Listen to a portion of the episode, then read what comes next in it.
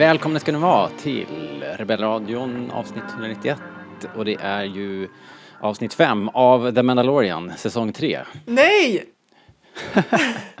Eller? Eller är det det? Jag bara skojar lite grann. Det är naturligtvis The Book of Boba Book Club, femte avsnittet. The Return of the Mandalorian. Härlig reaktion där. Hanna är här hör vi. Hej! Hej! Välkommen till uh, The Boba Book Club. Tack! Jag har varit lite nervös inför det här. Eh, för att jag kanske inte varit så taggad på serien som jag tycker att man bör vara om man ska vara med och podda. Eh, men sen så visade det ju som sagt att det var ett Mandalorian-avsnitt jag fick se istället. Så att det blev lite lättare. Det här är så, det är så märkligt allting. Eh, Fredrik, du är också välkommen. Tack. Tjena mors. Eh, du är ju mer stadigt närvarande i den här, i den här serien. Så det känns ju tryggt. Lite nytt, lite gammalt. Och sen så jag. vem, vem är, är jag den gamla? Ja, du är ju det nu. Jaha. Du är liksom, eh, du är tryggheten. Och Hanna kommer in som ett wildcard helt plötsligt. Oj, oj, oj. Vi kanske ska nämna också att vi såg klart avsnittet för mindre än en halvtimme sedan allihopa. Så att eh, ifall vi inte verkar så genomtänkta som vi borde vara så vet ni varför. Nej, precis. Det kanske inte blir en djup analys här. Det är mer en reaktionspodd idag. Ja. På Det är, det är väldigt mycket tankar som snurrar runt just nu. Ja, det är bra att du har, har lite tankar. Jag vet inte. Jag har mina anteckningar. Vi får se var vi landar. Men eh, formalian då, jag har inte hunnit kolla upp så mycket sådär. Men det var ju i alla fall, eh, det här eh, var regisserat av Bryce Dallas Howard. Är det någon som skrev upp hur långt det var? Nej, Cirka men 30, 35? nej, Nej, det var nej, nog nej, 50 fem. eller något sånt där. Ja. Wow, var det så? Superlångt. Ja, det kändes inte så långt. Det tyckte jag. Och det är ju bra. Jaha, okej. Alltså jag menar, det var, det var ju väldigt många olika moment menar jag. Ja, de tog också tid på sig och Mm. liksom göttade ner sig. Ehm, vad vill ni börja prata om då? Det, eh, det var ju liksom direkt in i, i eh, handlingen. Vi fick ju den här eh, revealen av The Mandalorian då. I, bakom plastskynket. Han kliver in i något slakthus. eh, som eh, kanske såg lite väl eh, ut som, eh, som eh, Jorden. jorden. Eller. Ja, Det kändes verkligen som ett slakthus. Bara så här, ja, jag har hittat Ja. ett riktigt slakthus. Vi sätter på några... Liksom. ny dörram här bara Ja, så, är det, ja. så är vi där.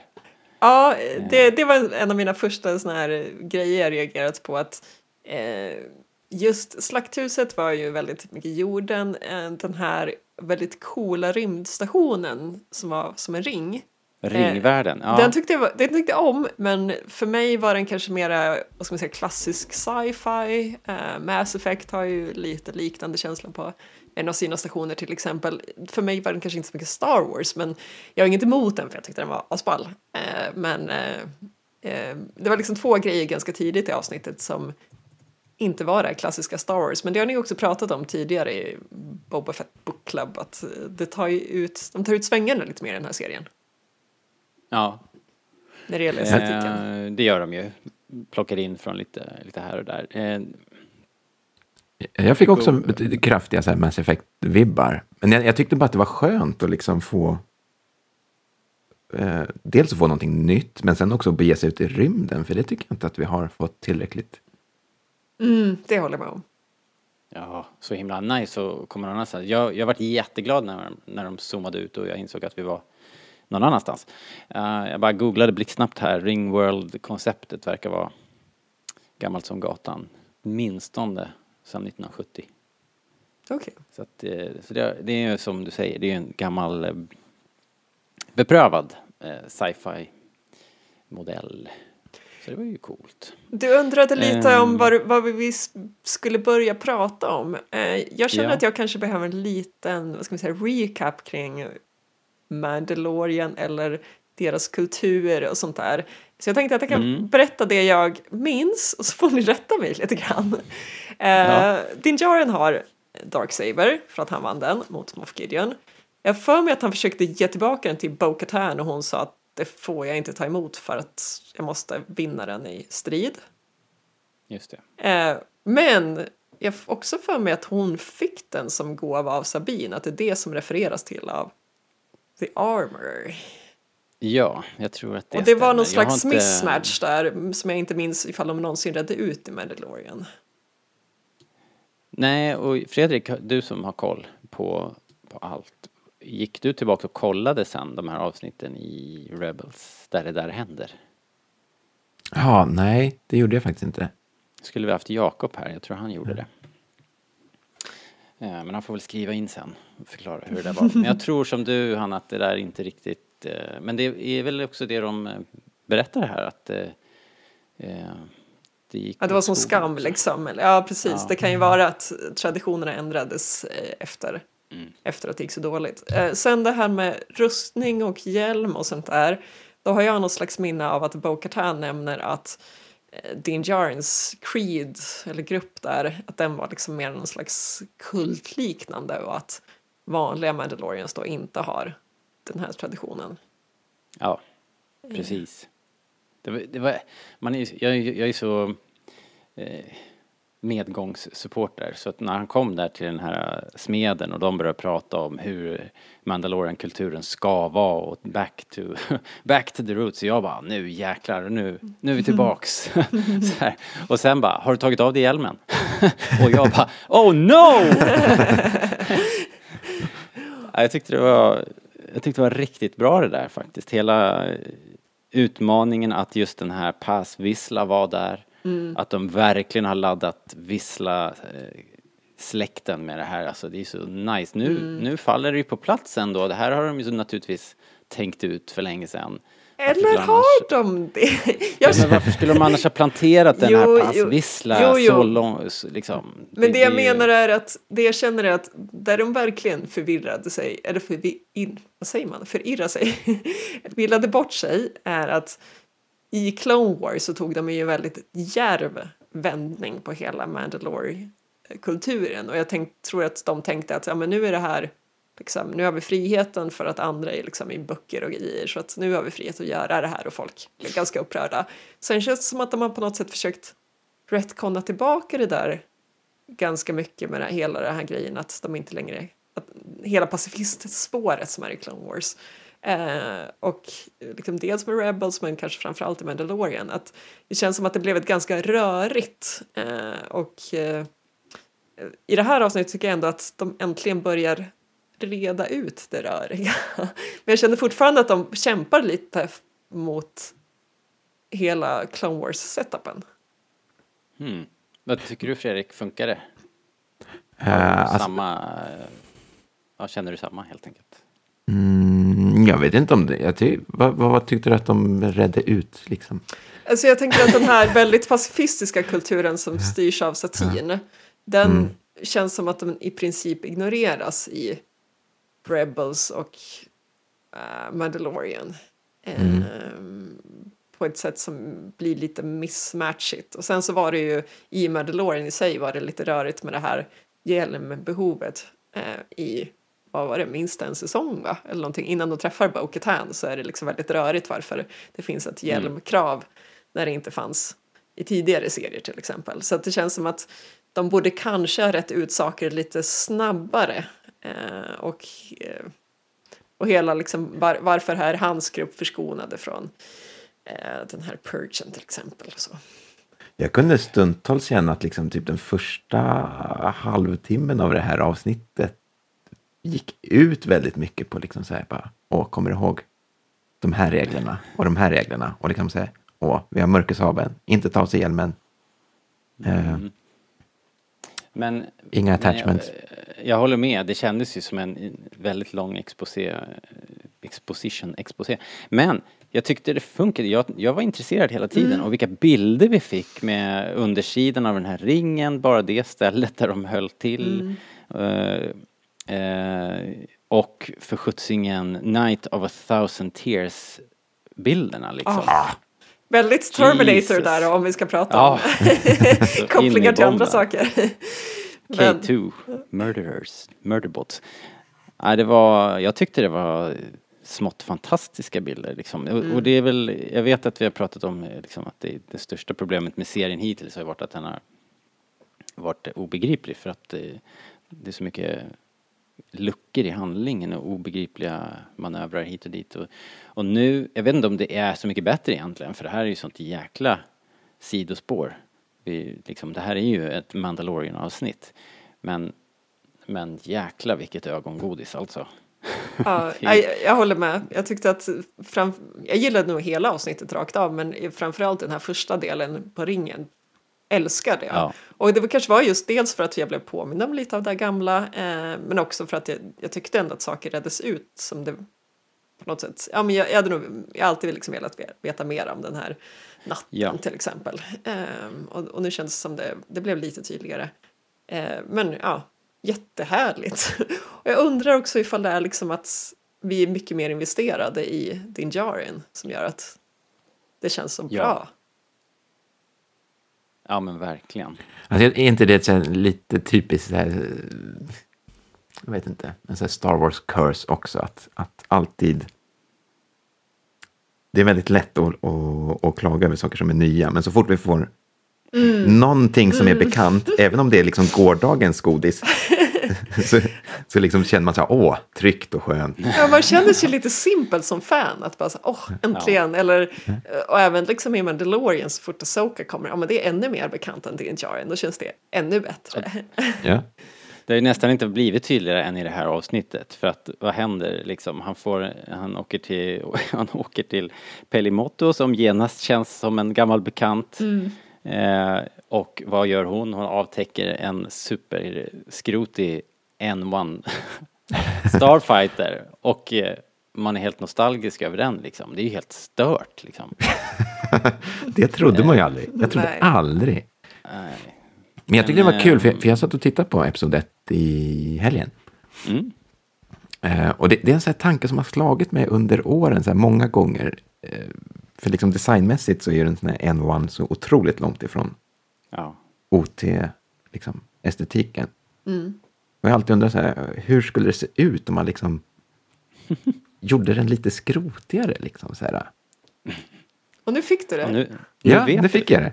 det var, Den är ändå väldigt men- oskrotig jämfört med gamla X-vingar som vi fick se där jäm- bredvid. Ja, det är verkligen två helt olika bästar. Um, ska vi se, var det något mer vi skulle säga där? Ja, det var intressant med, innan vi lämnar ehm, eh, ja, helt den här eh, utmaningen med pass och vissla. Var, det var rätt coolt också ehm, hur svårt han hade att kontrollera Darksabern tyckte jag ändå. Ja, det ger ändå en del eh, intressant canon att jobba vidare med vad gäller ljussablar tycker jag. Faktiskt. jag vet inte riktigt hur man ska förklara det rent Nej, logiskt. Men spelar, det, spelar väl ingen roll. nej, nej, men det, det, jag gillade det. Men jag tänker Eh. att eh, om, alltså vi har inte fått se en ljussabel så här, hållas av så jättemånga andra än jedis eller siths eller liksom kraftanvändare. Det är ju Moff Gideon som har säkert haft möjlighet att kunna träna. Sen har vi väl Finn eh, Mm. som ja, var ändå lite mer naturlig men han är också lite mer kraftkänslig tänker jag. Så att jag tänker att eh, det kanske inte är så mycket som egentligen säger emot konceptet att ljussablar för icke-kraftkänsliga är väldigt svåra på något sätt. Ja. Vilket ju är coolt och så väver man in att de har eh, lite grann på något sätt en egen vilja eller åtminstone någon sorts kinetisk energi som är svårkontrollerad liksom. Vilket eh, jag kommer att tänka på något gammalt George Lucas citat där att han ville eh, det här med tvåhandsfattningen och det där som, som de kör med ofta. Att det är som, det ska vara som bredsvärd liksom. Det ska, de här är tunga och otympliga att jobba med. Det slog mig förresten, är det inte en del i Rebels när Sabine måste lära sig Darksaber? Mm, Och att hon blir tränad av, åh vad heter den, Jedi? Vad heter den? Den, den Kanan. långhår, Kanan ja. Jag liksom för mig att det finns något avsnitt om det där så att det har väl ändå byggts upp någon slags lore kring det där. Absolut, det, jag, jag minns inte om det var just det här snacket. Att, eh, Nej, det var inte så tungt. men, men eh, det var ju definitivt någon sorts träningsmontage där och hon gick inte så bra för henne, vill jag minnas. Utan, och sen vände det väl då när, när hon väl var tvungen. Eh, Jag tyckte bara det var så himla... Jag blev nästan chockad när jag såg liksom Darksabern igen, även fast man vet att han har den. Men Det var brutalt. Fan. ja, det... Det har vi pratat om några gånger, så här, hur brutalt kan Star Wars vara? Men Ganska, visar det sig. Ja, det här var Mm. ganska extremt faktiskt. Jag förstår att man måste knappa in den här vuxenkoden på Disney Plus. För Ja. att se, se det här. Jaha, är det så om man kopplar Eller- på barn? Det, jag, tror inte, Barnläge. jag tror inte att den är med i barnläget. Jag kan ha fel förresten, men jag för mig att den inte dyker upp i barnläget. Eh, Interesting. min Ja, dotter är har ju förstått att det finns en rimligt. Boba Fett-serie och är lite avundsjuk så jag tror att hon hade hittat den annars faktiskt. Ja, okej. Eh, Men eh, tillbaka förresten till rymdstationen här. De pratar ju om det här med att han, han borde inte ha tagit av sig hjälmen och att han ska liksom han Ja. ber om eh, atonement, eh, vad heter det på svenska? Förlåtelse egentligen. Eh, Ja, någon sorts botgöring, ja liksom. precis. Eh, och så säger de liksom, ja men gå till vad är det, grottorna under Mandalore eller något sånt där och de är Ja, förstörda. Eh, tolkar ni det som att då är den liksom, vägen körd och att han inte kan vara en Mandalorian eller är det här något han ska liksom, ta upp så småningom? Att han ändå ska på något sätt ta sig där under och försöka eh, gottgöra det. Liksom. jag ser det som att det är liksom... Nej, det finns ingenting han kan göra just nu. Nej, okej. Eller så blir det det som är vägen. Alltså att för det är ju upplagt nu för att han ska åka och hämta Grogu. Han har ju till och med byggt en liten kupol som på N1-skeppet som Grogu kan sitta i. Och han kommer, det blir väl någon liten eh, mithril-tröja Ja, jag tänker också att det är en liten som han har smitt ihop där. Uh, Beskar-brynja. Eh, Ett sidospår bara, vad händer med resten av det där vapnet? Det är Ja. liksom ett enormt spjut och så är det en liten, liten påse. En liten nätbrynja eller vad det nu är då.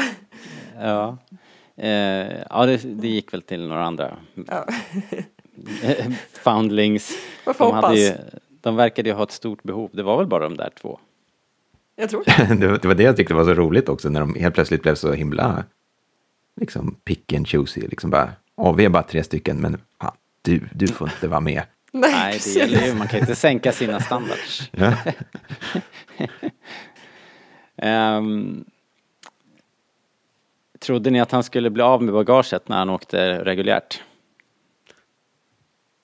Ja, lite Ja, jag, faktiskt. jag fattade egentligen inte grejen med det. För Det fyllde väl ingen funktion.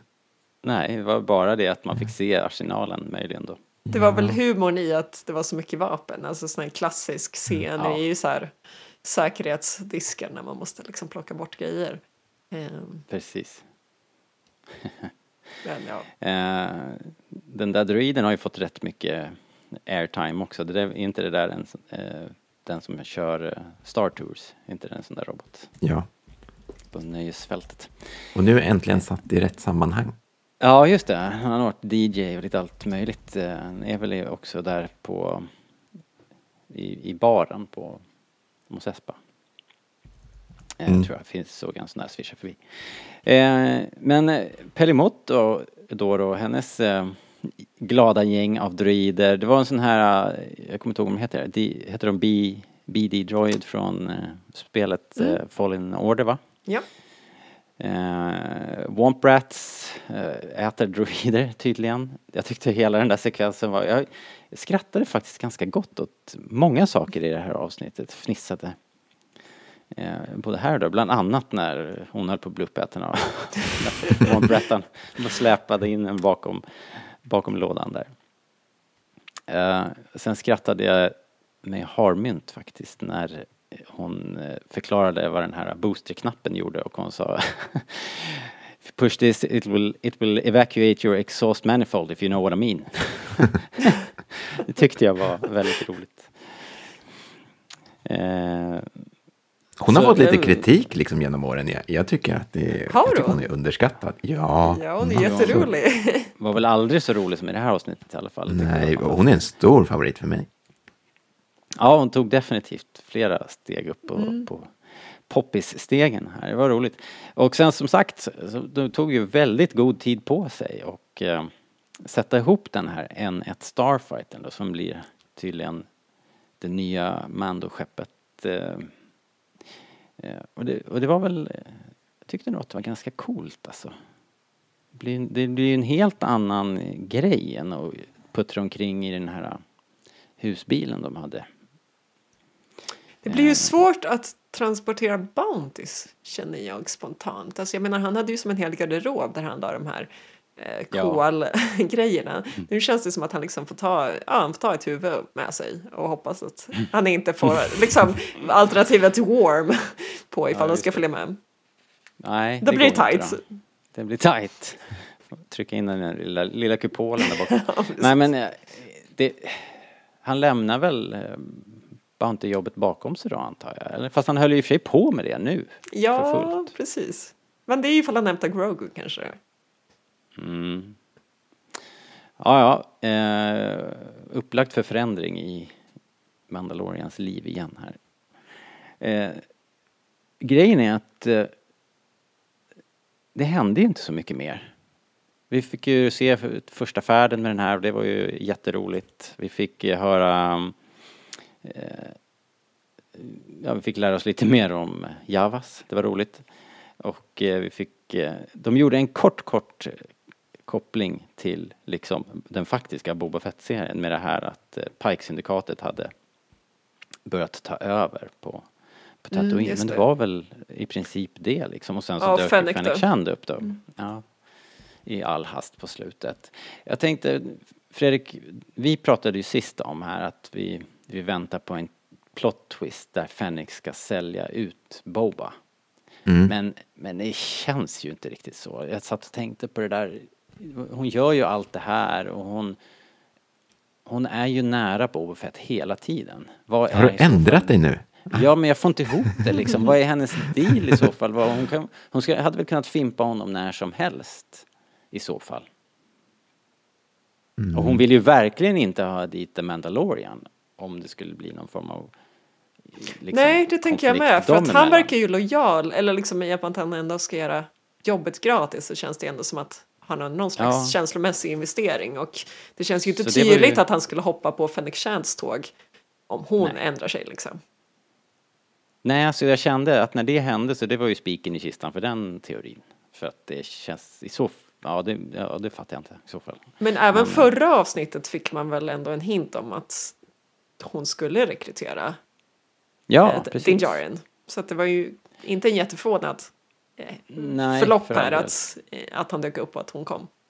Nej, för aldrig. Ja, nej, jag får inte ihop det. Så då, då undrar man ju igen då vem som är the big bad i den här serien egentligen. Jag hoppas ju på Och- Pike-syndikatet för de är ju fantastiska.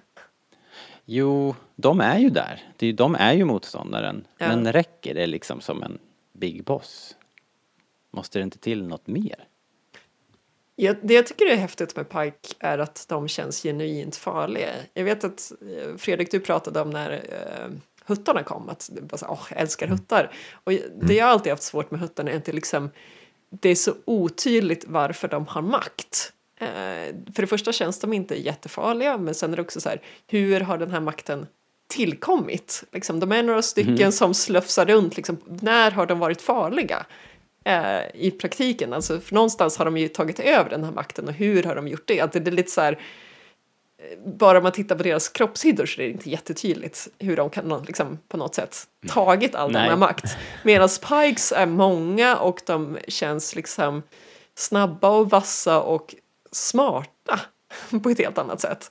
Eh, så att eh, där kan jag liksom, jag känner att det är mera troligt att de kan ta över och har ett syndikat och jag tror att de kan vara värdiga motståndare mot Boba Fett men jag hade hoppats att de var mer inkluderade i serien.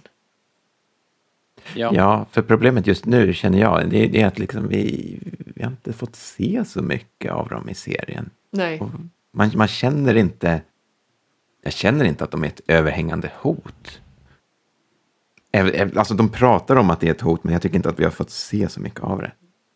Nej, exakt. De har inte gjort någonting eh, om, eh, i, på bild. Och den här att eh, de utrotade, mm, om det nu var de som gjorde Tusken Raider-massakern. Så, Antagligen var det väl det. så man- har vi inte fått se det liksom. Nej. Ehm, Men det var det, Ja. det, det du sa förra avsnittet, att det var lite konstigt att de inte spelade vidare på hela den här grejen, att Fennec Chan säger att det hade aldrig kunnat vara motorcykelgänget som gjorde något sånt mot Tuskens. nej, unlikely. Ja, precis. Och sen så, Ehm, för det, för det känns ju absolut som att det inte var dem, att han bara dödade några i onödan, tänker jag. Ja. Eh, ja, det måste ju bli någon payoff på det i alla fall. De kan inte bara släppa den tråden. Det skulle man ju få huvudvärk av. Ehm, är det något mer då? Har vi glömt något? Det känns som vi har bränt av det här. Det var, ju, det var så otroligt mycket ögongodis. Och vi det enda, det enda vi fick egentligen var ju att, eh, att eh, Mando är tillbaka liksom, med ett nytt skepp. Inte så lite. Det var otroligt häftigt som sagt. Det, är verkligen, det här var en högtidsstund verkligen att se det här avsnittet. Det var otroligt, otroligt mysigt. Men rent storymässigt, inga jättekliv. Inte för Boba Fett alltså- i varje fall. Nej, igen! Vi pratade väl om det också, att han riskerar ju att bli liksom... Eh, han är ju inte den häftigaste karaktären i sin egen tv-serie och, och nu var det ju inte ens hans tv-serie längre i, i det här Nej, det, det, det är ett ganska stort problem. Alltså han dyker inte ens upp. Nej, han var inte med en sekund. Nej. Men får jag bara hoppa lite om, om vi pratar om saker vi såg i avsnittet. Eh, Det här med eh, New Republic. Eh, Mm. De var ju liksom, det var någon litet sidospår, eller de dök upp lite i form av Dave Filoni eh, i det här eh, Prison-avsnittet i Mandalorian. Eh, Ja. Sen har vi lite Cara Dune, började väl jobba för dem. Men vi har liksom generellt sett, och nu dyker det upp här, generellt sett Ja, känner jag den här vi- piloten också, han, den äldre av de här, han var ju med i, Ja, visst var han det? två avsnitt tror jag tidigare. Ja, okej, han är ju till och med. han Ja. är ju en återkommande. Ja. Men det jag känner är att det är ganska kul att vi får se New Republic från liksom, vad ska man säga, underground-sidan. Men jag känner också att jag blir mer och mer sugen på att få se mer av dem. Ehm, just nu känns de bara som såna här torra eh, så här, byråkrater ganska ofta, eller i varje fall att man märker att det är väldigt mycket byråkrati runt omkring det här. Att, ah, men vill du verkligen flyga ner till ytan och dokumentera? Det känns som att de har liksom mycket pappersarbete i det där systemet. Eh, men vi har liksom inte fått se dem som hjältar till exempel, utan de är mera de Eh, som nej. kommer och städar upp eller försöker hålla några regler och sådär. Eh, Ja, de är ju polis, polis nu. Det var väl den här tv-serien som äh, inte blir av nu då? Ja, Rangers of precis. the New Republic liksom. Så vi fortsätter ju ha en ganska vag bild av dem. Ja, verkligen. De pratade ju om eh, rättssystemet eh, systemet då eftersom Moff Gideon är inslussad där som fånge då, så de hade, pratade ju om hans eh, framtida rättegång där. Ja, och eh, den här smeden hade väl inte så jättestort stora förhoppningar lät som att det skulle bli skipas rättvisa Nej, verkligen. Eh, we shall see. Ehm, nej men det var, det var kul. Men som sagt, jag har faktiskt inte så mycket mer. Vi, vi som, som vi sa, vi poddar ju här direkt efter avsnittet och det snurrar ju lite grann av alla häftiga bilder. Men, men jag tror, om inte ni har någonting som ni känner att ni vill lyfta nu så kan vi gå vidare till eh, eh, nästa segment helt enkelt. Vad säger ni? Ja. Då kör vi. Då drar vi eh, succésegmentet. Most lovable extra. Why do I sense we've picked up another pathetic life form? Tell that to Kanja Club. Det här fanns det i alla fall lite att välja på. Det fanns ju mycket kul eh, i bakgrunden. Massa olika arter som jag inte har sett eh, annat än i anim- animerad form till exempel. Så eh, det ska bli intressant att höra vad, vad ni har snappat upp och vad ni gillade lite extra. Ska, ska Fredrik eh, börja idag? Åh. Eh, då beger vi oss på en gång till Pellimotto och den här hariga lilla skakiga Pitroiden. Ja, det var för gulligt. Ja, det Jag tänkte på vår lilla hundvalp när jag såg den. Åh. Hon är rädd för allting. Ja, jag träffade henne. Hon var, hon var inte så kaxig. Nej, ingen vakthund. Hon ligger och sover här bredvid mig. Ja, ja men verkligen. eh, Igen alltså. Jag tyckte det var klockrent de här. De har ju aldrig varit roligare. Varken Pelli eller de här robotarna i, hela segmentet. Jag tycker reparation, eh, hela introduktionen där eh, och allting i interaktionen med de här båda Javas eh, gubbarna och eh, reparationer och allting. Jag tyckte det var supermysigt. Ja, men det var väl en, en eh, lämplig Most Valuable, nej, jag säger helt fel, Most Lovable. Verkligen, Most Lovable Extra. Hanna då, vad har du hittat? Mm, alltså jag håller med. Det känns som att generellt sett hela avsnittet var ju... Man, man kunde ju känna att det var regisserat av någon annan. Alltså, det kändes Ja. ju inte som något vi har sett tidigare i den här serien. Eh, jag hade blivit jätteförvånad om det var Rodriguez som hade gjort det här avsnittet. Eh, det kändes väldigt levande. Det var, jag hade en lång lista på kandidater för Most Lovable Extras och då var det ändå en stor del av avsnittet där det nästan bara var personer som pratade med. men det var Ja. liksom eh, eh, ja, men just de här animerade djuren som dök upp. Eh, liksom, det behövde inte vara så mycket men att det är liksom små reaktioner här och där som gjorde att världen kändes mycket mer levande och fyllig. Eh, men jag, jag skulle nog säga att eh, min favorit var någon som dök upp väldigt tidigt i avsnittet och det är snubben som, eller, eller tjejen, jag vet inte, personen som står i hissen. Ja, och tittar ner på det här suspekta paketet. Det är kanske lite så här tropigt, vi har väl sett den typen av karaktärer innan, men jag tyckte bara att det var så mysigt. det är så jävla snyggt var det. Jag, jag har faktiskt den på listan också. Eh, visst var det, vi har sett typen av utomjording förut någonstans. Okej, jag säga. känner inte igen det, men jag har Men inte jag så kan koll. inte, ehm, jag kan inte placera den nu men, men där var det när han kommer upp där också och eh, hon, hon eh, som hade, som var uppdragsgivaren, det är ju Mm. en väldigt extrem eh, look på den varelsen med de här Ja, stora Mm. näbben och Ja. stora huvudet med ögonen på skaft och sådär. Är inte det också en Clone Wars? Jag tror det. skapelse. Den känns som att jag sett animerad. Ja, kul. Eh, då ska jag ta, jag håller med dig Hanna att de här, det var, det var mycket eh, små varelser här och där. Det här, jag skrattade ju gott också när, när Pelli hittade fågelbot i, i, i N1-vraket och bara, ah, äh, det är bäst att vi låter dem vara där så länge. Det var ju bara helt fullt med små kryp där i hennes hangar. Men eh, det som jag också bara så här, nästan kaffet ut ur näsan skrattade åt var den här tupp, det var en drake Ja. som, som var en tupp. Vad Som hände där? Ja, vad hände där? Och det var så, det var så jävla roligt. Så jag, så jag ger min eh, Most Lovable Extra till tupp, tuppdraken, helt enkelt. Det var ju någon annan liten råtta i öknen också som var kandidat för min eh, Most Var inte det en Lovable Ex- Womp Rat då? Som, Var det en låg där Womp och sov i, Be- i Ja, Beggars Canyon, precis. eller? Som, som dök liksom, som vaknar till och så bara "Åh, helvete, Ja. där kom någon." Nej men det var så mycket att kika på och eh, kändes ju som en, hela avsnittet kändes ju som en, som en varm gosig filt och man tänker att, att det är så här det kan vara liksom att ha, Mm. ha en Star Wars-serie att eh, krypa upp i soffan till. För jag- att, eh, helt annan känsla som du sa. Jag måste ändå erkänna att när jag såg Mandalorian så dippade ju mitt intresse ibland för den serien också. Jag tyckte vissa avsnitt var fantastiska och andra så kände jag att så här, jag bryr mig inte jättemycket och liksom och jag kände den här lite så här Star Wars-stressen att så här, varför får jag Star Wars och ändå inte tycker det är så bra liksom.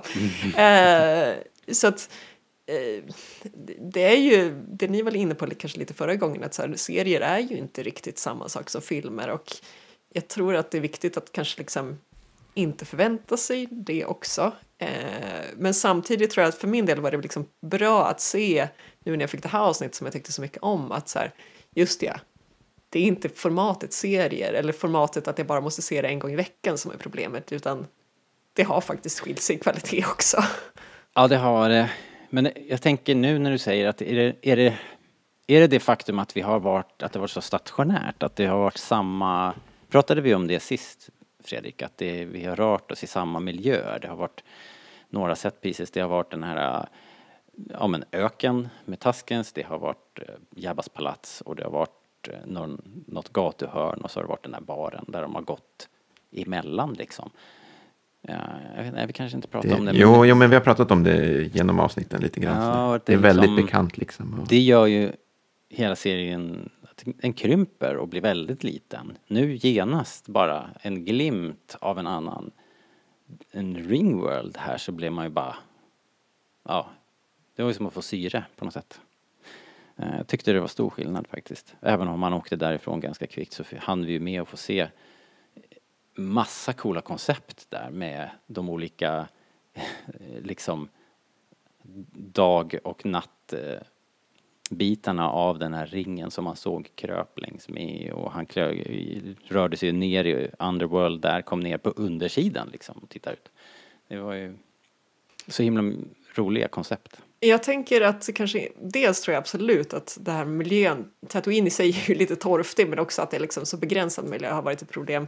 Men jag tänker också att de har problem att sätta Boba Fett i ett sammanhang. Alltså det funkade mm. rätt bra med Tuskens men annars så han liksom står lite i vakuum på något sätt medan Din Djarin byggde de ju i varje fall så småningom upp liksom hela hans koppling till Creed och Grogu och mm. lite sånt där. Att det liksom, eh, han fick mycket starkare band till andra delar av galaxen kanske.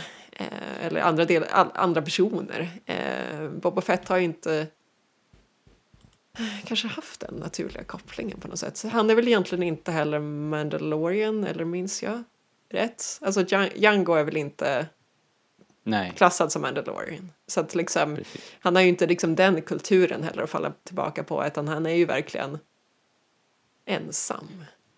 Ja. Och det är ju en del ja, av har... hans historia men det gör ju Precis. kanske att det liksom det blir lite svårt också att berätta den historien.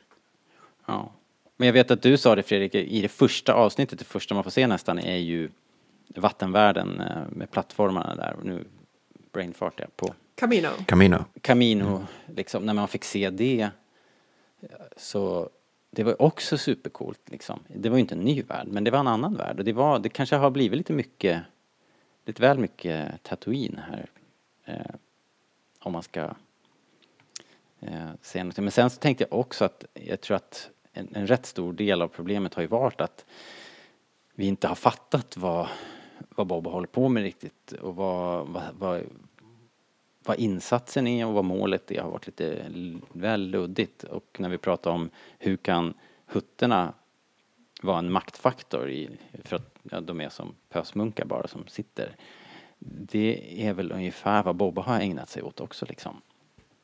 Där mm. i Jabbas sal. Så att, ja, jag håller med. Han har inte utstrålat någon, utövat någon makt och inte utstrålat någon heller direkt. Men eh, vi får se nu här då. Nu drar det väl ihop sig till en uppgörelse i alla fall. Avsnitt fem var det här av sju. Och eh, ja men det var en frisk fläkt om inte annat eh, och otroligt mycket ögongodis. Vi får se vad de gör med ja, vad, vilken roll eh, Din Jarin ska spela nu då i alltihopa. Han spelar väl rollen som den som tar över showen. ja, det gör han verkligen. Verkligen. I vårt meta, i vår medvärld liksom. Stackars Boba. Alright hörni, om ni, om ni känner er nöjda mm. så kanske vi stänger butiken för idag. Kommer tillbaks nästa vecka och eh, nu känns det i alla fall som att man vill se hur det här slutar. Jätteroligt faktiskt. Eh, så, vi tackar för oss. Tack så mycket. Tack Fredrik för att du pratade lite Star Wars. Tack, tack. Och tack Hanna för att du kunde rycka ut så här mitt i veckan. Ja, men tack. Det var jättekul. Ja. Bra, då hörs vi igen. Hej då! Hej då! Hej då!